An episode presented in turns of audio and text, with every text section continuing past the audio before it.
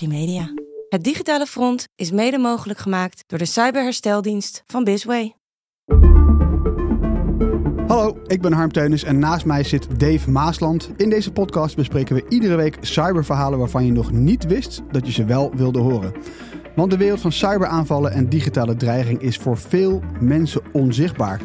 En dat is best gek, want de gevolgen ervan zijn iedere dag voelbaar. Ook in jouw leven. En wij maken die wereld hier zichtbaar. Welkom terug aan het digitale front.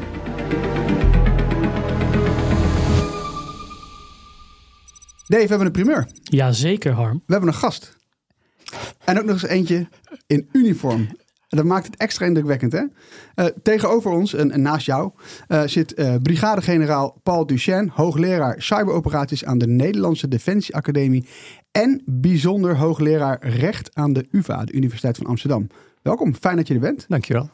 Um, wij gaan tutoyeren, want we kennen elkaar. We hebben elkaar vaker gesproken. Ja. Um, en we gaan het vandaag met jou hebben over het verhaal waar eigenlijk niemand deze week omheen kon. Dat is het onderzoek van Volkskrant-journalist Huib Modderkolk over de cruciale rol van een Nederlandse geheim agent in de sabotage van een Iraanse nucleaire centrale. Ja, wij hebben vandaag, Harm, ik ga het toch gewoon zeggen, onze eigen digitale veldheer. Ja, we gaan natuurlijk van. We hebben het vaak in deze podcast over Noord-Korea, Iran, Rusland en natuurlijk vandaag ook over Iran. Maar als we nog bewijs nodig hadden dat Nederland met twee benen letterlijk aan het fysieke front staat, Ja. dan hebben we dat deze week eh, gekregen. En ook die rol van Nederland, hoe dat zit, daar gaan we het vandaag over hebben. Ja, en we hebben natuurlijk een, eh, een verhaal van het andere front van onze sponsor Bart van Bisway BV. En we eindigen deze aflevering met maar liefst drie cybertips.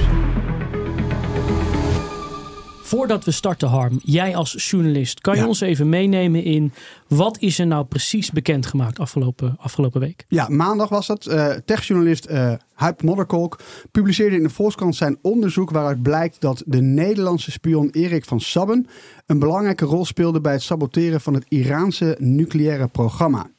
Hij zou in 2007 het virus Stuxnet in het Iraanse atoomcomplex in Natanz hebben geplaatst. En dat was dan in opdracht van de CIA. Nou, in het stuk van, van Modderkolk staat dat de Amerikanen niet eerlijk waren over de operatie die Van Sabbe ging uitvoeren. Um, ze zouden namelijk niet verteld hebben wat hij dan precies zou gaan doen. Hij nam namelijk uh, ja, apparatuur naar binnen, een waterpomp. En, dat, en die waterpomp, daar zou dan dat virus Stuxnet in hebben gezeten. En vervolgens zou de Nederlandse politiek, volgens de Volkskrant dus, niets hebben geweten van deze sabotagemissie. Ik zie Paul op zijn lip bijten. Ja. Daar gaan, komen we zo meteen op terug. Uh, het zorgde voor uh, ja, nou ja, verbazing en eigenlijk ook wel vrees over de hele wereld. Want dit was de eerste keer, zeg maar, het Pearl Harbor moment van digitale oorlogsvoering. Het was de eerste keer dat destructieve malware werd ingezet door landen. Dat is dus even de cliffhanger. Um, er zijn er natuurlijk al, al boeken volgeschreven over deze operatie. Uh, niet in de laatste plaats door Hype Modderkolk zelf. Ja. Um, Dave, ik wil toch eerst even bij jou beginnen. Um, wat vond je nou het meest opvallende van dit nieuws van Hype? En, en hoe verhoudt zich dat tot wat jij al wist van dit onderwerp?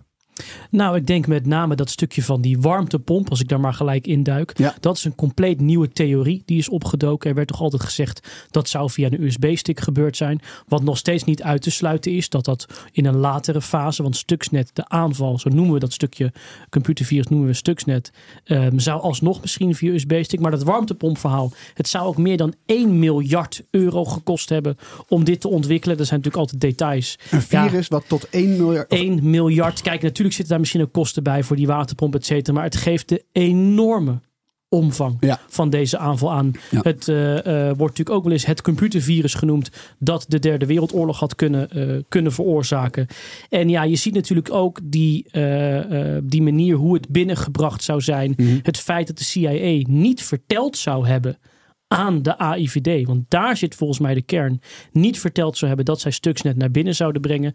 Dat is natuurlijk een, inter een, een interessant detail. Ja. ja, en de naam. Alhoewel ik dat minder belangrijk vind. Mhm. Maar vanuit mijn cyberperspectief, met name die nieuwe details, zijn gewoon uh, heel erg interessant hoe ze dat uh, schijnbaar gedaan zouden Ja. hebben.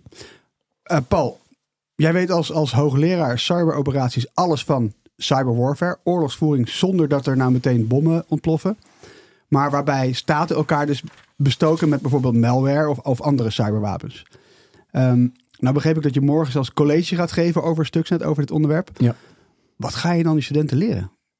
ik, ik weet niet of ik ze iets ga leren, want er zitten studenten in de klas die veel meer weten van dit onderwerp wellicht dan ik. Ja.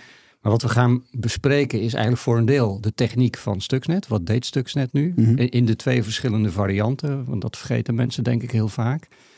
Hoe is Stuxnet ingezet? Hoe is het binnengekomen? Mhm. Eh, en besteden vooral aandacht aan de, aan de context waarin Stuxnet werd ingezet. Waarom werd het ingezet? In welke periode? Wat speelde er toen? Ja. Hoe is de aanloop? De aanloop begint, eh, eh, begint in Nederland eh, eigenlijk bij, eh, bij Urenco. Ja. Ehm, maar het loopt ook nog steeds door. Eh, want eh, vorig jaar is er nog een brand geweest in, de, in Natanz. Het jaar daarvoor is er een explosie geweest. Eh, er zijn de afgelopen jaren nog nucleaire eh, wetenschappers eh, om het leven gekomen, om het leven gebracht. Dus het maakt allemaal deel uit van een, van een veel groter geopolitiek eh, machtsspel, als je het een spel mag noemen. Ja, om te dwarsbomen dat Iran uiteindelijk dan over die technologie gaat beschikken. Ja, om te, om te voorkomen dat een staat als Iran, en in een eerdere fase is er zo'n situatie ook eh, ten opzichte van Irak geweest, dat Iran over dit soort capaciteiten gaat beschikken. Ja. Mm. Ehm, eerst nog even over, over die studenten. Want wie, wie zijn dat? Gaan zij uiteindelijk dit soort operaties uitvoeren of bedenken? Nou, wellicht. Ik, eh, ik sluit dat niet uit. Kijk, deel, eh, de helft van onze studenten, onze masterstudenten, praten we dan over. Mhm. Master Militair Strategische Studies werkt voor Defensie, werkt bij Defensie, bij de MIVD, bij de Landmacht, bij de Marine, bij de civiele componenten van Defensie. Mhm. En de andere helft, die, eh, en, en die zijn dus gemiddeld genomen wat ouder. Die hebben al een bachelor of een master. Die zijn al een paar jaar binnen het bedrijf werkzaam geweest. Hebben soms al missies gedraaid. Ja. En de andere helft van de klas, die, eh, die komt van buiten. Die komt echt eh, vers uit de collegebanken. Die heeft net een master wellicht afgerond. Of is in ieder geval net met een bachelor klaar. En die mix zit in de klas. En daar, daar kan dus van alles bij zitten. Er zitten echt whiskids bij. Ja. Die zitten met glimmende oogjes naar mij te luisteren. En denken, ja, ja, ja, ja, kijken wanneer glijdt hij uit. Kan je een klein tipje van de sluier oplichten? Eh, dit komt pas online nadat het college geweest is. Ja. Wat is je kernboodschap? Wat is echt wat je over wil brengen? Of het nou leren of niet leren is. Wat is je, Ja, wat is je dat je, hoofdboodschap? dat je niet door het rietje moet kijken van de techniek, maar dat je eigenlijk eh, met, met, met, met een wijd perspectief naar, naar de setting van die operatie moet kijken. Want de techniek hoort ergens bij, dient een bepaalde doelstelling. Staten hebben doelstellingen. Ehm, en, en daar wordt bepaalde, bepaalde middelen bij gebruikt. Het zij een bombardement, Mhm. eh, 1981, Israël in Irak. Of eh, er wordt een nieuw digitaal wapen voor gebruikt. Eh, maar het gaat uiteindelijk om die geopolitieke doelstellingen. De Ja. krijgsmacht is een middel wat ergens toe moet dienen. Eh, en, en in dit geval een, een digitale variant. A- Als we nou, je gaat het morgen natuurlijk hebben over Stuxnet. Ik Ja. wil er toch even, even naar kijken. naar, naar, vanuit jouw militair-strategische blik, hoe zat die operatie daar in elkaar? Het begint met eh, een staat, Iran, die nucleaire eh, technologie binnenhaalt via Ja. Pakistan. Eh, aanvankelijk wordt dat gedempt door afspraken over vreedzaam gebruik van atoomenergie. Mhm. Uiteindelijk lijkt het er dan op dat dat verder gaat dan dat. En wordt er vanuit de EU, maar ook vanuit andere landen, worden er afspraken gemaakt, worden er zelfs sancties getroffen. En op enig moment gaat dat programma nog steeds verder. Mhm. En komt er een punt dat staten ingrijpen, dat andere staten die zich daardoor bedreigd voelen of hun- in hun belangen geschaad worden ingrijpen. En, en dat is het moment waarop dan ja, die hele complexe operatie van, eh, van Stuxnet eh, uitgedacht wordt, waar, Ja. de, waar er toestemming voor wordt gegeven door de, de regeringsleiders die het betreft. En dan gaat het over, over jaren heen, wordt dat, loopt dat dan door. A- Als we dan toch een beetje kijken naar de, naar de techniek, naar het virus zelf. Je, je noemde net al, jullie allebei trouwens even, die, die twee fases van Ja. Stuxnet. Kunnen we die even, even kort uitleggen, hoe dat, hoe dat zit? Ja, nou, het is natuurlijk verleidelijk om naar Dave te denken.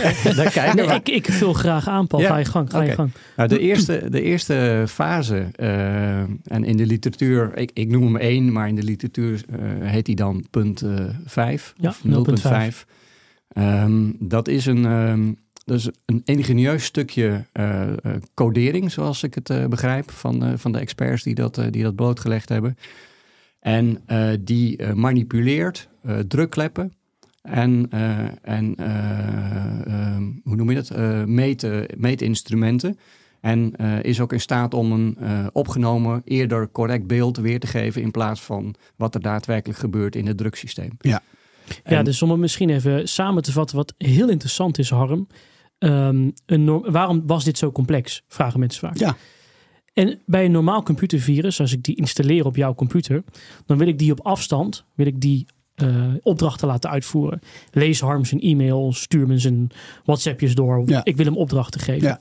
Dat noem je degene waar die verbinding mee maakt een command and control server. Mhm. Dat kan niet, want Natanz is hermetisch afgesloten. Ja, geen internetverbinding naar buiten. Exact. Dus wat hebben ze moeten doen in eerste instantie is een virus maken wat in staat is volledig autonoom te handelen. Ja. Dat zodra het binnen is, in een exacte omgeving te weten, ik moet dat doen. Dat is al één punt. En wat Paul omschrijft is mega interessant. De andere component, los van het fysiek manipuleren van een centrifuge, dingen open of dichtzetten, et cetera, Ja. was het in staat eh, eh, data op te slaan als die centrifuge, als er alles goed mee was. Ja. Dat beeld te projecteren naar de mensen die dat monitoren. En die zagen vervolgens, daar is een foto van. In 2008 is, eh, ik kan zijn naam niet goed uitspreken, de president van Iran. Ahmadinejad. Dankjewel. Eh die buigt naar voren en Ja. dan zie je op het scherm al die groene balletjes en een paar zijn er rood. Ja. En dat is wat ook het virus in staat was te manipuleren. Dat de operators dachten, alles is groen, terwijl achter de schermen Ja. er dingen werden Dus aangepast. die, die centrifuges die gaan stuk. En ondertussen denkt de, degene die naar de schermen kijkt, die aan het controleren is wat er gebeurt. Eigenlijk zoals in een, eh, in een, in een goede James Bond film. Eigenlijk lijkt alles in orde. Ja, de centrifuges gingen stuk, maar eh, wat ook eh, beredeneerd is, is dat door het manipuleren van het druksysteem centrifuges wat sneller stuk gingen dan normaal. Ja. Eh, en dat de uranium wellicht ook van een eh, mindere kwaliteit was eh, dan beoogd. Ja. Want je Ja. hebt hoog verrijkt uranium nodig om atoomwapens uiteindelijk te kunnen Ja. produceren. Dat was fase 1. Ja, dat is fase 1. maar ik denk dat je niet genoeg kunt benadrukken dat ze moesten dus precies weten wat voor configuratie ter plekke binnen was. Ook welke aanpassingen daar aan gedaan waren, zowel hardware technisch als software technisch. Want in de parameters van, de, van, de, van Stuxnet waren eh, elementen opgenomen die, die precies selecteerden eh, en checkten of, of de juiste configuratie aanwezig was. Op die Eh, machines. Ja, dus je moet van tevoren perfect weten wat daar staat. En er mag ondertussen niks veranderen. En je moet het van buiten naar binnen brengen. Dat Ja. kan zijn via de waterpomp, zoals dat dan nu beweerd wordt. Het is altijd gedacht dat er een, eh, een operator van, zeg maar, van of met Siemens apparatuur voor het eh, updaten van de PLC's, eh, dat die naar binnen is gekomen. Ja. Het zij met een laptop, het zij met een, met een USB-drive. en Ja. er is ook een idee dat het wellicht in de Siemens apparatuur gezeten heeft voordat het in Iran aankwam. Ah. Dus dat het in de, in de, in de uitlevering vanuit, neem ik aan, Duitsland, Ja. Duits bedrijf, naar Iran eh, onderschept is eh, en gecompromitteerd is gemaakt. En is er ook niet een fase voor, Paul, dat ik heb begrepen dat op een gegeven moment ook er een soort testfase natuurlijk was. Ik begreep, en hier weet Paul meer van, maar dat Nederland natuurlijk een rol speelt. Want uiteindelijk zijn onze blauwdrukken bij het bedrijf, eh, eh, je noemt het Urenco geloof ik, eh, uiteindelijk blauwdrukken van die centrifuge van een bepaalde P1 type zijn daar, daarheen gekomen. Maar we, we hebben het nu over de machines die, die in Iran gebouwd Die in zijn. Iran zijn. Ja. En dat lijkt dus ook erop dat inderdaad de Amerikanen ongeveer wisten welke configuratie daar was. En toen destijds wat ik heb begrepen van meerdere bronnen, is dat op een gegeven moment er werd besproken welke, of deze operatie wel zou werken. Mhm. Ze hebben dit getest, want ze konden ongeveer aan die centrifuges komen. Ze hebben de, een van de eerste versies van Stuxnet in zo'n gecontroleerde omgeving samen met Israël hebben ze opgeblazen, die centrifuges. Ja, want je moet ergens testen wat je Of gemaakt het, hebt. of het werkt. Ja. En ze hebben letterlijk die brokstukken meegenomen naar het Witte Huis. Op de tafel gelegd van president Bush. En die schijnt ook toen gekeken te hebben en gezegd te hebben van nou, jongens, dit werkt. Eh, en dat was eigenlijk de testfase. Eh, En een heel interessant wat Paul zegt, is dat in eerste instantie dat niet het doel was in, in de eerste fase van stuk om het te vernietigen, maar Mm. eigenlijk om ze sneller kapot te laten gaan, dat ze vervangen moesten worden. Ja. Ja, en eh, het vertrouwen van de, van de technici te ondermijnen. Ja. Heel want interessant want stuk. eh, er ging van alles mis en liep anders dan gepland. Eh, en ze kwamen er niet achter, zeker in de tweede iteratie niet. Ze kwamen niet achter waardoor niet. Eh, dus eh, dat, dat wordt ook betoogd door de Duitse onderzoeker die hier uitgebreid over, over geschreven en gesproken heeft. Ja. Ehm, dat, dat dat een van de, de bijvangsten, ja, de bij nevendoelstellingen was. Ehm, Het geloof in eigen kunnen ondermijnen. Jij wil naar fase 2, sorry. Er Ja. is nog een fase. Ja, ja, precies. Fase 2. waar gaan we, waar, waar, wat zien we in die fase 2 gebeuren? Eh, wat we in fase 2 eh, zien gebeuren is, is een hoop geluid en ook zichtbare eh, signalen dat er iets aan de hand was. Want de snelheid waarmee de centrifuges draaiden werd gemanipuleerd. Die werd omhoog geschroefd, te hoog opgeschroefd, waardoor ze harder sleten. En werd ook weer op nul gebracht. En, en dat kun je allemaal horen. Dus de frequentie waarmee iets draait, produceert geluid wat Ja. ook voor het oor hoorbaar is. Dus dat moest je kunnen horen. En het was ook zichtbaar op de meters.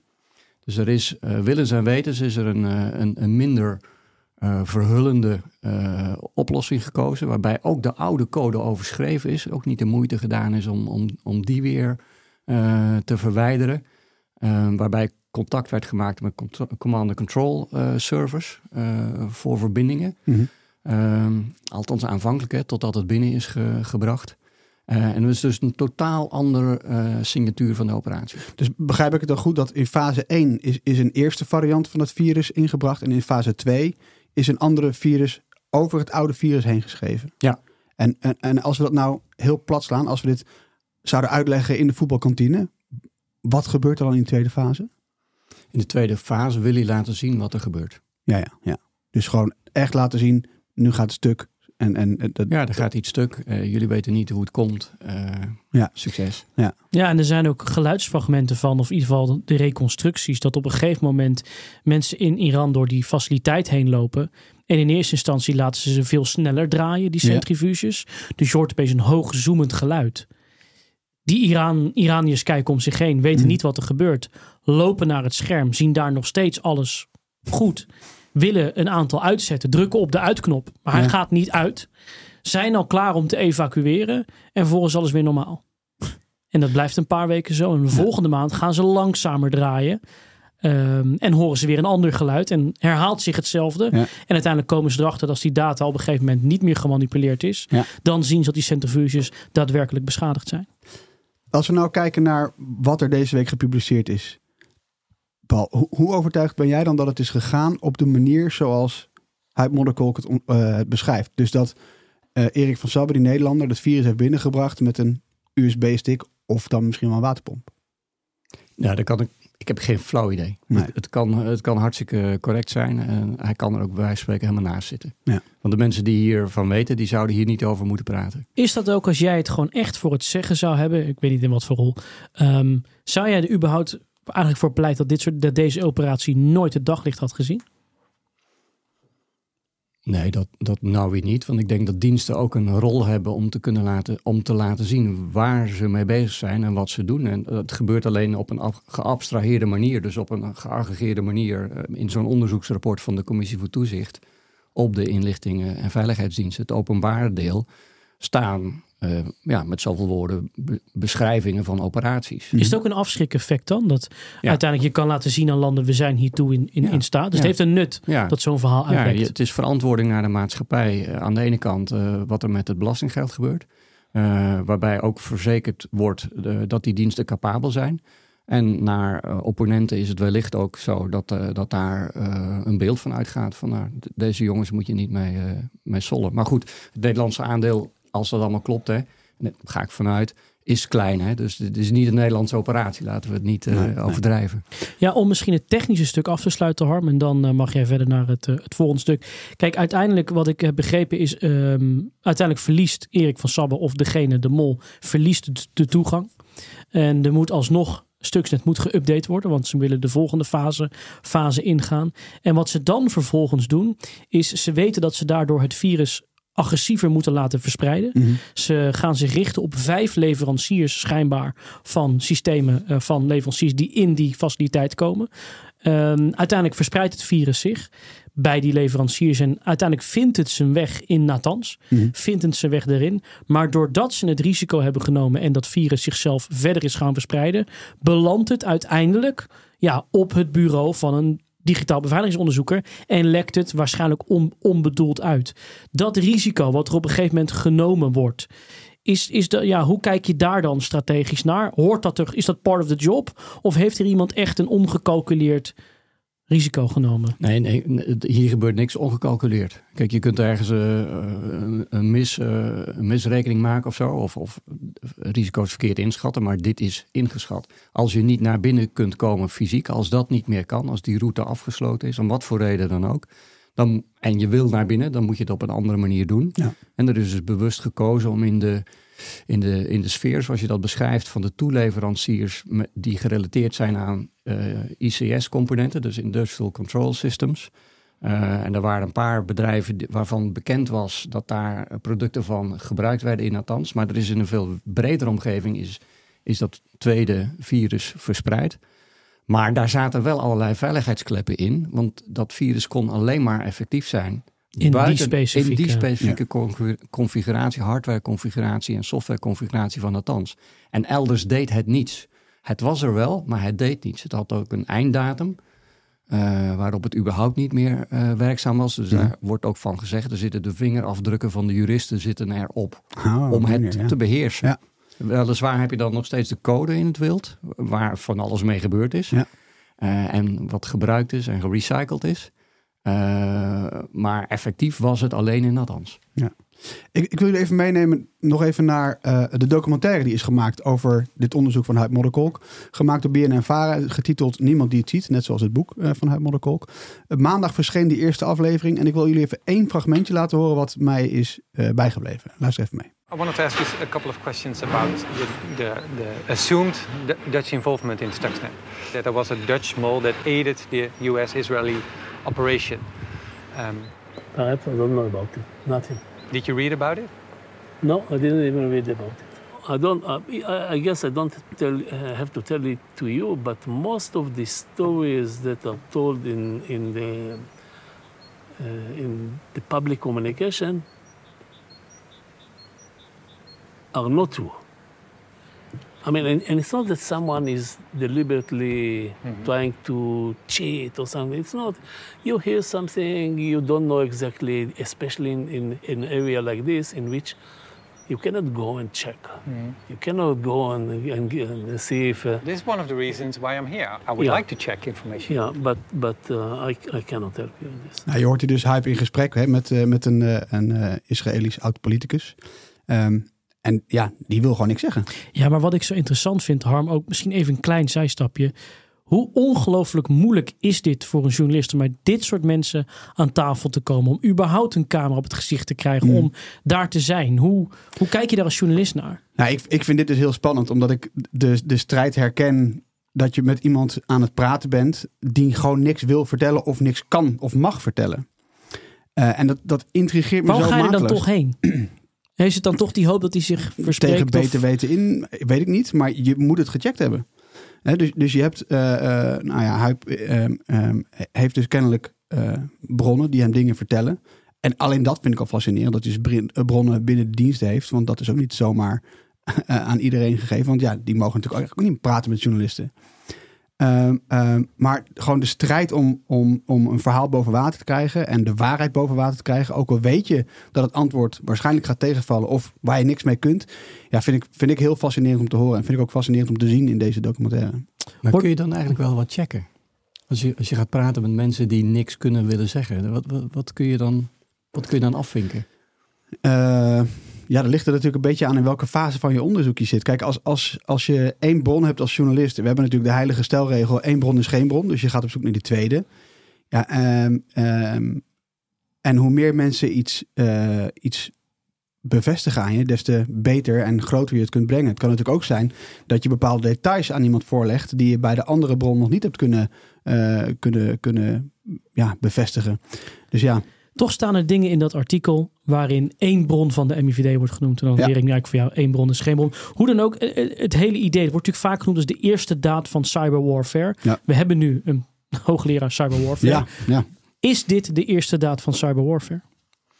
Nou, hij, wordt, hij wordt wel als zodanig gezien. Mhm. Eh, maar in 2007 is, eh, is er een andere operatie uitgevoerd door, eh, door Israël. eh, tegen een nu- andere nucleaire faciliteit in, eh, in Syrië, in Al-Kibar. Dat, die operatie heet Operatie Orchard. En, en dat is eigenlijk een operatie die ook al eh, in dat verband genoemd moet worden. En er zijn op een andere Met een andere doelstelling zijn er in 2007 ook uh, grote verstorende operaties, waarschijnlijk vanuit Rusland richting Estland geweest.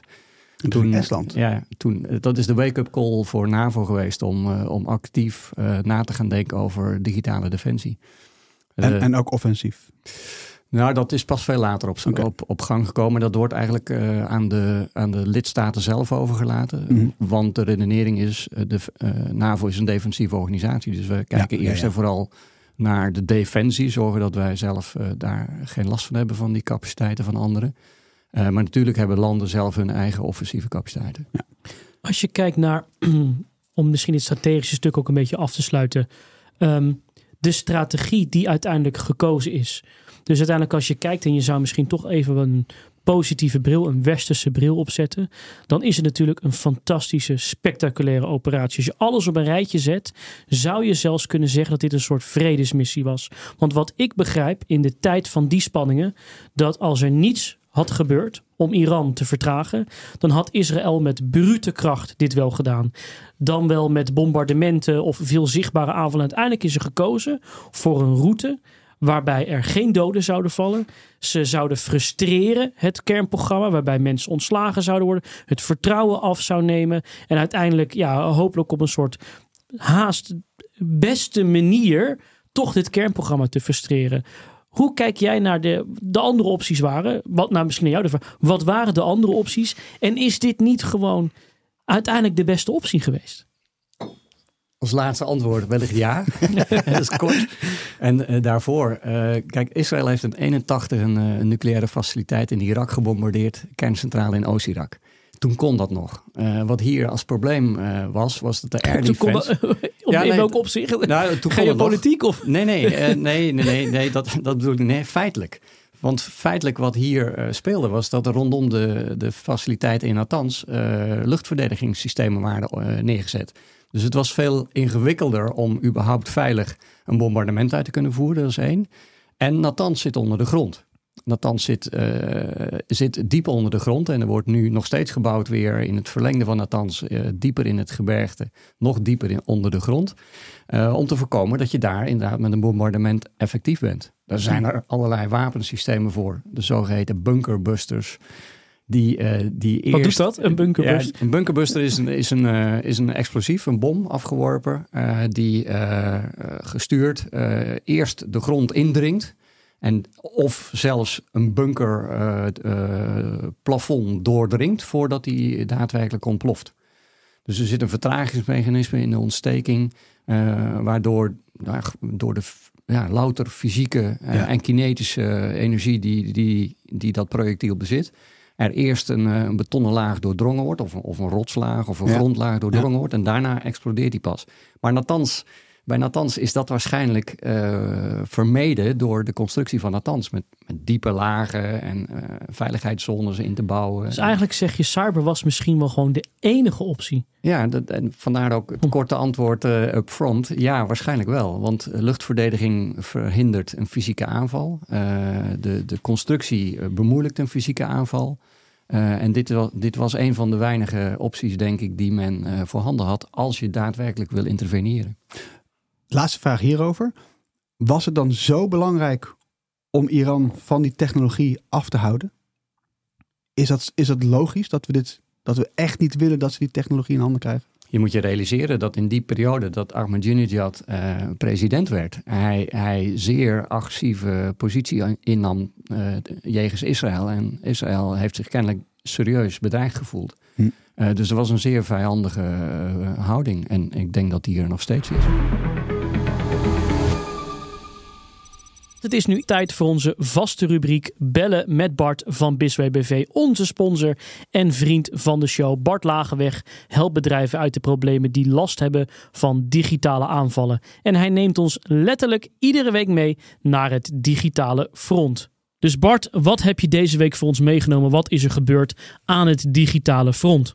Een bedrijf had belangrijke data, zoals wachtwoorden en informatie over het netwerk niet voor zichzelf gewoon op papier staan waardoor wij uiteindelijk het hele netwerk versneld hebben moeten vervangen.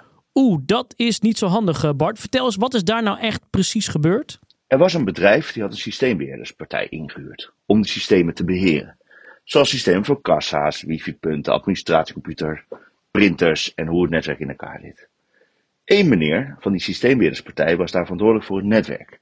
En die wist dus ook al die belangrijke data. Maar die systeembeheerderspartij stopte met het aanbieden van haar diensten. Dat is in principe geen probleem, maar het netwerk begon storingen te krijgen, dus die moesten worden opgelost. Dus dat bedrijf vroeg aan die beste meneer van die systeembeheerderspartij of hij de documentatie even kon opsturen. En die meneer zei, die data zit allemaal in mijn hoofd, maar ik zal het nog een keer sturen. Maar ja, de storingen werden steeds erger, dus die moesten worden opgelost.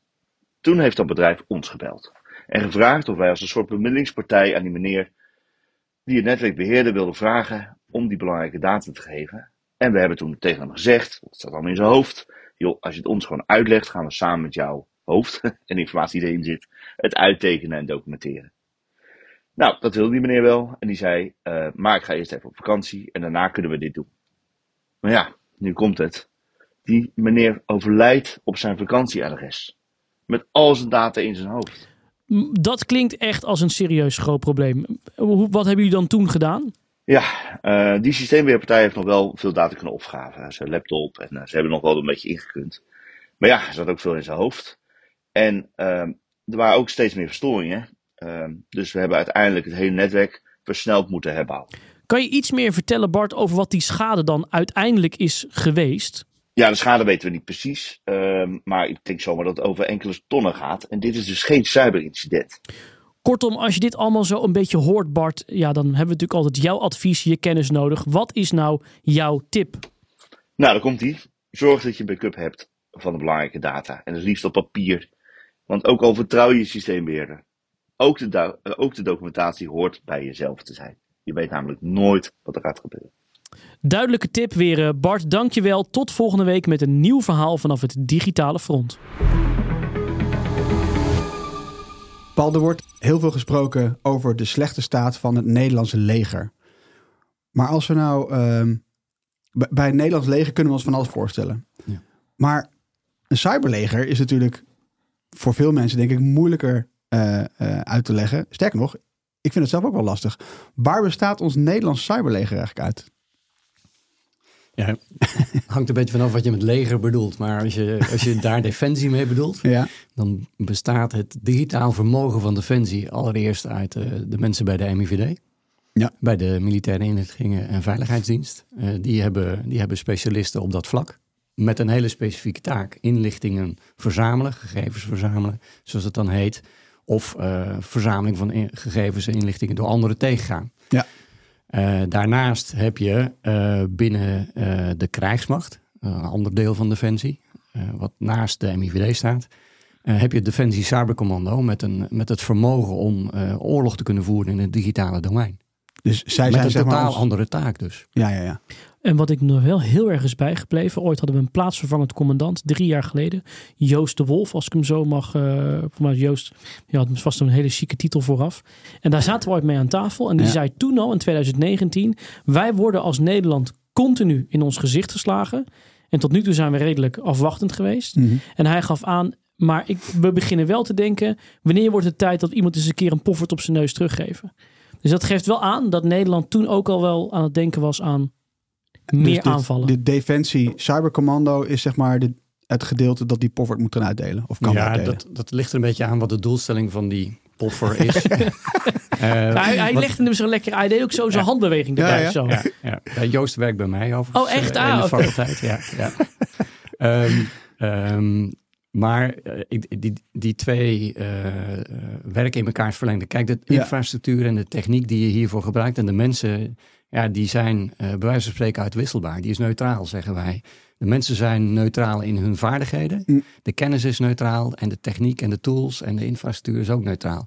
De opdracht die je meekrijgt en de doelstelling die nagestreefd wordt, die maakt dat het een label krijgt, eh, een contra-inlichtingoperatie, een inlichtingoperatie of een, een eh, gevechtsoperatie. Ja. En een gevechtsoperatie is over het algemeen een, ultiem, een ultieme situatie. Dus, eh, dus dat Defensie Cybercommando komt eigenlijk pas in beeld als de rest eh, eh, ja, niet meer een mandaat heeft. Ik denk dat dat de beste beschrijving is. En wat je, wat je ziet is dat mensen van het Defensiecommando wel te werk kunnen worden gesteld bij andere eenheden, bij politie of bij de inlichtingendienst. Ja.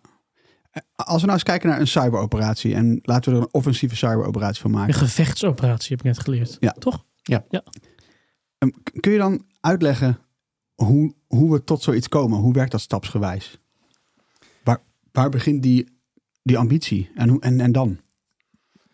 Ja, dat ligt een beetje aan wat er aan de hand is. Maar eh, laten we een gevechtsoperatie nemen. Stel dat Nederland eh, in een conflict verwikkeld is. Eh, neem Afghanistan bijvoorbeeld, waar we daadwerkelijk in conflict zijn geweest met, met, eh, met opponenten, met tegenstanders. Eh, de Taliban, populair gezegd. En dan zul je daar vandaag de dag zul je daar een digitale component meenemen. Naast grondtroepen, naast luchtcomponent, naast helikopters, naast inlichtingencapaciteiten zul je een digitale vaardige component meenemen. Zowel om te hacken, maar ook om eh, sociale media campagnes in te zetten of te onderscheppen of te neutraliseren. Dus dat kan zowel zijn om, om dingen te saboteren, Ja. maar dat kan ook zijn om eh, via beïnvloedingscampagnes, dus, Ja. dus gewoon social media, Ja. nieuws. Ja, en dat, die drempel eh, ligt daarvoor veel lager. Hè. We, de, de, wij noemen het soft cyber com- eh, operaties of Ja. cyber-enabled information campaigns. Ehm, en, en daarvoor ligt de drempel veel lager. Dat zie je, dat zie je denk ik nu in het Midden-Oosten ook zich voltrekken. En waar je het helemaal erg goed kunt zien, is in Oekraïne.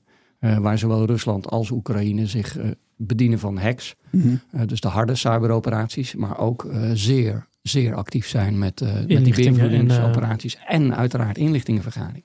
Kan je iets zeggen over hoe vaak, of, of je daar überhaupt iets van weet, hoe vaak Nederlandse diensten om hun diensten worden gevraagd? Zijn daar specifieke, kunnen wij dingen goed?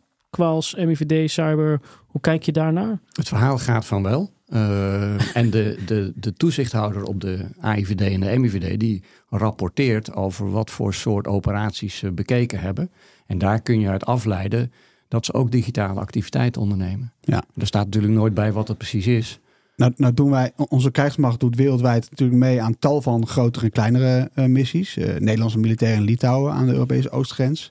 En vanwege de dreiging uit Rusland. En ehm, we hebben de Nederlandse Koninklijke Marine die beveiligt eh, in de Golf van Aden Nederlandse schepen tegen piraterij. Maar dat zijn geen offensieve operaties. Hoe zit het met cyber? Nou, ik denk dat een defensieve digitale operatie daar wel bij hoort. Je probeert natuurlijk sowieso een inlichtingenbeeld op te bouwen. Ook Mhm. langs digitale weg. Of misschien wel vooral langs digitale weg. Want ja, cyberspace, eh, die, die ruimte en die infrastructuur, die is, dat is een uitgelezen ruimte om eh, sentimenten te onderkennen. Maar ook om eh, locaties van, eh, van mensen en van middelen in beeld te, breien, te, Ja. te krijgen. Los van het feit dat natuurlijk de digitale informatie op zichzelf interessant is. Nou was Stuxnet natuurlijk gewoon een, een, een, ja, een offensieve operatie. Misschien geïnitieerd door de Amerikanen, maar we hebben er in ieder geval mee gedaan. Ehm, maar dat, dat, dat, dit kan toch niet de enige operatie zijn die we hebben uitgevoerd, toch, in de afgelopen jaren? Althans, ik kan me haast niet voorstellen. Nee, ik denk het niet, maar ik, ik, ik, kan, ik kan er geen voorbeelden Nee. verder van noemen, omdat ik ze niet weet. Nee. Het enige wat ik kan doen is, is teruglezen in die toezichtsrapporten van de Commissie van Toezicht op de Inlichting en de Veiligheidsdiensten, de CTIVD, Ja. waar ze naar gekeken hebben. En daar leid je uit, daar leid je uit af dat ze in ieder geval eh, digitale inlichtingoperaties uitvoeren.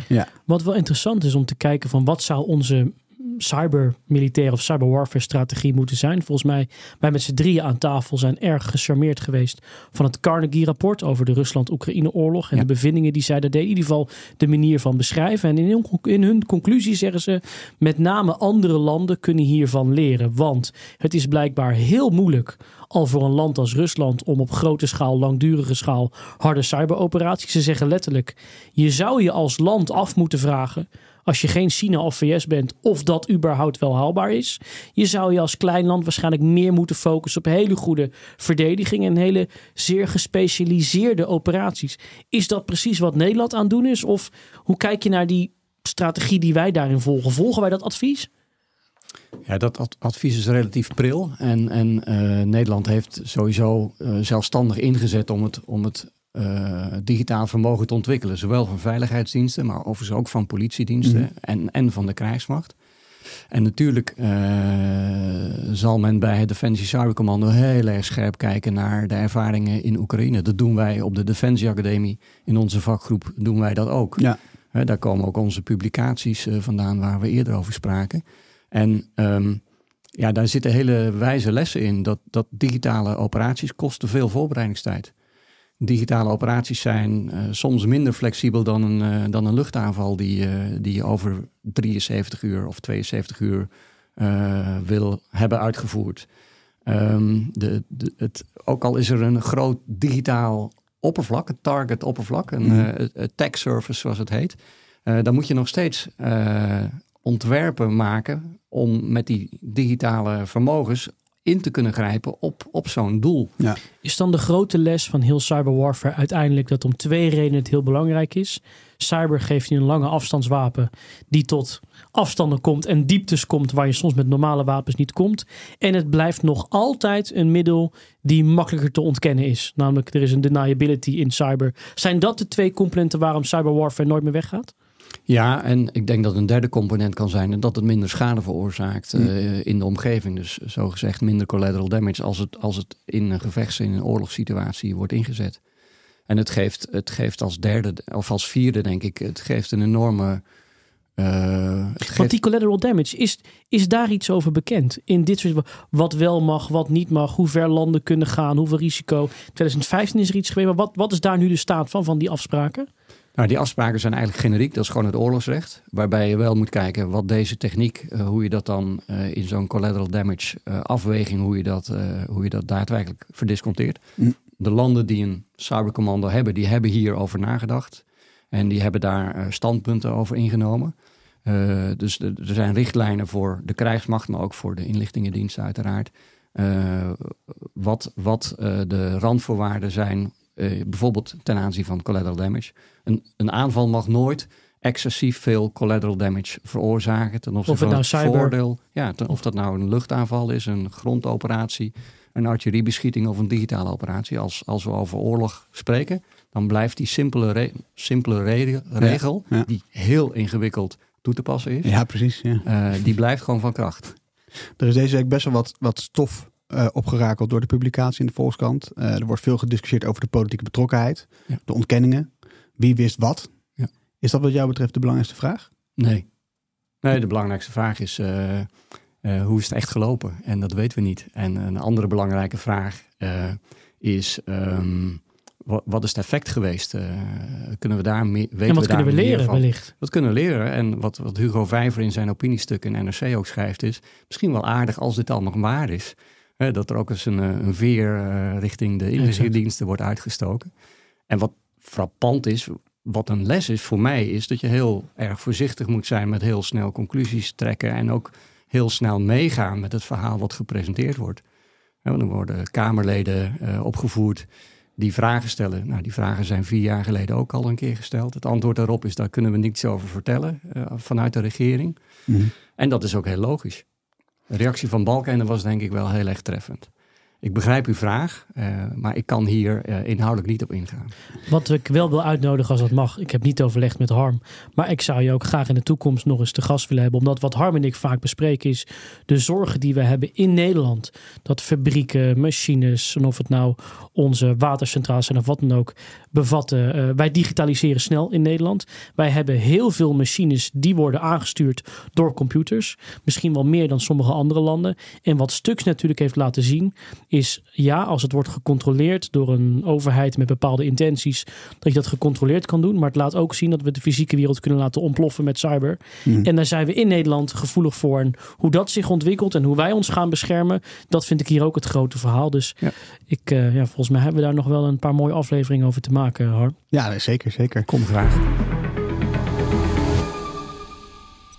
Voordat we naar de cybertips gaan, want je hebt ook een, eh, een cybertip meegenomen als het goed is. Ehm, er is ook nog een luisteraarsvraag binnengekomen, Dave, en die wil ik je toch even Oh. voorleggen. Ik zat nog helemaal in Iran. Ja, goed. We Ja, gaan, ja. ja, zo, ja eh, ja, kom maar op. Hidde, die, eh, die schrijft ons: Stel, je hebt als een bedrijf Chinese hackers in je systeem. Kan je dan niet gewoon de server en de computers vervangen en ben je dan gewoon klaar? Of Nou, is dat te simpel? Nou, het is wel een inventieve oplossing in ieder geval. Eh, laat ik vooropstellen dat ik dit geen gekke vraag vind. Hm. Eh, wij kennen inderdaad situaties waarbij een aanvaller zo diep in een systeem is dat je eigenlijk zou moeten zeggen: doe alles maar weg en we gaan alles opnieuw opbouwen. Ja. Er zijn een aantal problemen mee. Dat is ontzettend duur om alles weg te gooien, alles opnieuw te kopen. En je moet ook je digitale omgeving opnieuw op gaan bouwen. Dat betekent afscheid nemen van al je gegevens. Want als je die terug zou zetten in een soort backup, ja, dan weet je niet of die Chinezen alsnog binnen zitten. Dus eigenlijk is het al de vraag: zou je dat überhaupt kunnen? Heb je een backup? Kan je dingen terugzetten? Dus in sommige gevallen ja, zou je denken: goh, doe alles de deur uit. Maar het is eigenlijk geen optie voor veel bedrijven. Nee. Ze kunnen niet opnieuw opbouwen. Ze kunnen niet op zomaar al hun laptops weggooien. En ze kunnen niet zonder hun data. Dus waar dit voor sommigen letterlijk inlichtingendienst een strategie zou kunnen zijn. Als die naar het buitenland reizen, nemen ze een laptop mee die ze gewoon daarna in de shredder gooien. Ja. Maar voor veel normale bedrijven is dit toch echt een te kostbare oplossing. Nou, ik hoop dat dat op de, de vraag beantwoord heeft. Leuk Hidde, dankjewel. We eindigen natuurlijk altijd met een inspirerende noot. En dit keer dus niet eh, twee cybertips, maar drie. En Dave, je mag er maar één geven. Ja, dat zeg je tegen mij. Het is goed met jou. Ik weet niet of je hebt geluisterd, Paul, maar deze meneer die zit hier elke week eh fiets hij er twee, drie in en dan blijft hij nog tien minuten aan het woord. Ja, ja, ik ben het liefst heel veel aan het woord. Ja, dat valt best mee, toch? Nou ja, Paul, wil, jij hem aftrappen? Wat heb je meegenomen? Ja, wat ik meegenomen heb is een, eh, eigenlijk een video. Je hebt natuurlijk studenten die graag lezen. Je hebt ook studenten die doen liever ondertussen iets anders. En die kijken dan, eh, die kijken dan naar YouTube. Ik voel me aangesproken. Dus wat ik meegenomen heb is een videotip van 37 minuten door eh, meneer Langner. En dat is de Duitse cybersecurity expert die Stuxnet naar buiten heeft gebracht. Althans het complete verhaal met de context erbij. Eh, de front story en de backstory zoals hij het heet. En dat heet de Stuxnet Story. Voor degenen die lang, liever lezen eh, is er een document ook van zijn bedrijf dat heet To Kill a Centrifuge. Hele goede tip. Kijk, als je dat in ChatGPT gooit, komt er een hele vette afbeelding uit. Linkje zetten we in de show notes. Dan kunnen, we daar, eh, Ja. kunnen de luisteraars het eh, terugvinden. Dave, wat heb jij bij je? kan er maar één zijn. Je weet dat ik vaak boeken tip. Ik hou ervan. En als je geen boekenfan bent, heb je nooit of heb je weinig aan mijn tips. Ik ga het wel praktisch houden in de komende afleveringen. Nee, Countdown to Zero Day. Ja. Denk ik toch wel, eh, ondanks dat het natuurlijk een paar jaar geleden al is, het beste boek wat denk ik geschreven is hierover. Tot in detail, spanning. Als je dit verhaal nou waanzinnig vindt, want nogmaals, het kost 1 miljard. Eh, De meest knappe koppen ter wereld hebben hieraan gewerkt. Dit waren geen getrainde mariniers, maar hackers in een zolderkamer die waarschijnlijk naar Friends zaten te kijken. Dit is zo'n waanzinnig verhaal. Lees Countdown to Zero Day als je dit interessant vindt. Van Kim Zetter. Van Kim Zetter. ja. heel goed. Of als je een concurrent zoekt, David Sanger met A Perfect je? Weapon. Nu fietst Paul gewoon drie tips erin. Een fragment, een document en ja, ja, ja. Ehm, we hebben hier natuurlijk een, een digitale veldheer aan tafel. Eh, Daar ben ik heel blij mee. Maar afgelopen maandag was ik bij, eh, bij onze collega's, mag ik ze misschien wel noemen, want Ja. ja. ze zitten natuurlijk bij dezelfde uitgever. Eh, Peter van Um en Mart Kruijf, die, eh, die hebben hun theatershow Veldheren Live. Eh, nou ja, ze hebben natuurlijk hier eh, hun podcast Veldheren. En in de podcast vertellen ze natuurlijk over hoe oorlog werkt. Maar die theatertour, eh, echt tof. Afgelopen maandag was ik daar met, met, mijn, met mijn partner, vrouw. Ehm, ik vind het heel moeilijk om mijn Ik vrouw weet niet waarom je twijfelt. Ja, Ja, nee, ik vind het zo lastig om te zeggen. Mijn vrouw klinkt heel bezitterig. Mijn partner vind ik ook gek. Nee, goed, mijn vrouw. Ja. Ehm, en twee goede vrienden. En ehm, ja, je moet een beetje denken aan een soort college tour in een theaterzaal. Publiek kan vragen stellen over en weer. dus dynamiek. Er zaten ook eh, veteranen in de zaal. Hele leuke dynamiek. Was ongelooflijk tof eh, om bij te wonen. Ze hebben het ook veel gehad over de oorlog Oekraïne-Rusland. Israël. Alles komt eigenlijk ter sprake. Ik geloof dat ze nog zo'n 14, 15 shows hebben staan door het hele land heen. Kleinere zaaltjes, grotere zaaltjes. Dus dat, die zou ik heel graag tippen. Is echt heel erg tof. Check uh, kortimedia.nl slash live voor waar ze nog spelen. Dan kun je daar ook je kaartje kopen. Dit was het Digitale Front. Wij zijn Harm Teunis en Dave Maasland. En vandaag ook aangeschoven Paul Duchesne. Dankjewel dat je er was. Graag gedaan. Heel erg tof. Ehm, eh, een grote eer om hier aan tafel te hebben. Jullie kunnen ons volgen via X, Dave Maasland, Harm Teunis en via Digitale Front. Wil jij ook nog een, een X-account eh, pluggen voor de mensen? At Paul Duchesne. Je moet hem wel goed spellen. Heel goed, dat is C-H-E-I-N-E. Ja. Uit mijn hoofd, hè? Ja, opgeslagen, laat je heel vast. Heb je nog tips eh, of wil je ons vragen net als Hidden? Mail ons dan naar het digitale front kortimedia.nl C-O-R-T-I-M-E-D-I-A.nl E, Tot volgende week. Tot volgende week. Het digitale front is mede mogelijk gemaakt door de cyberhersteldienst van Bisway.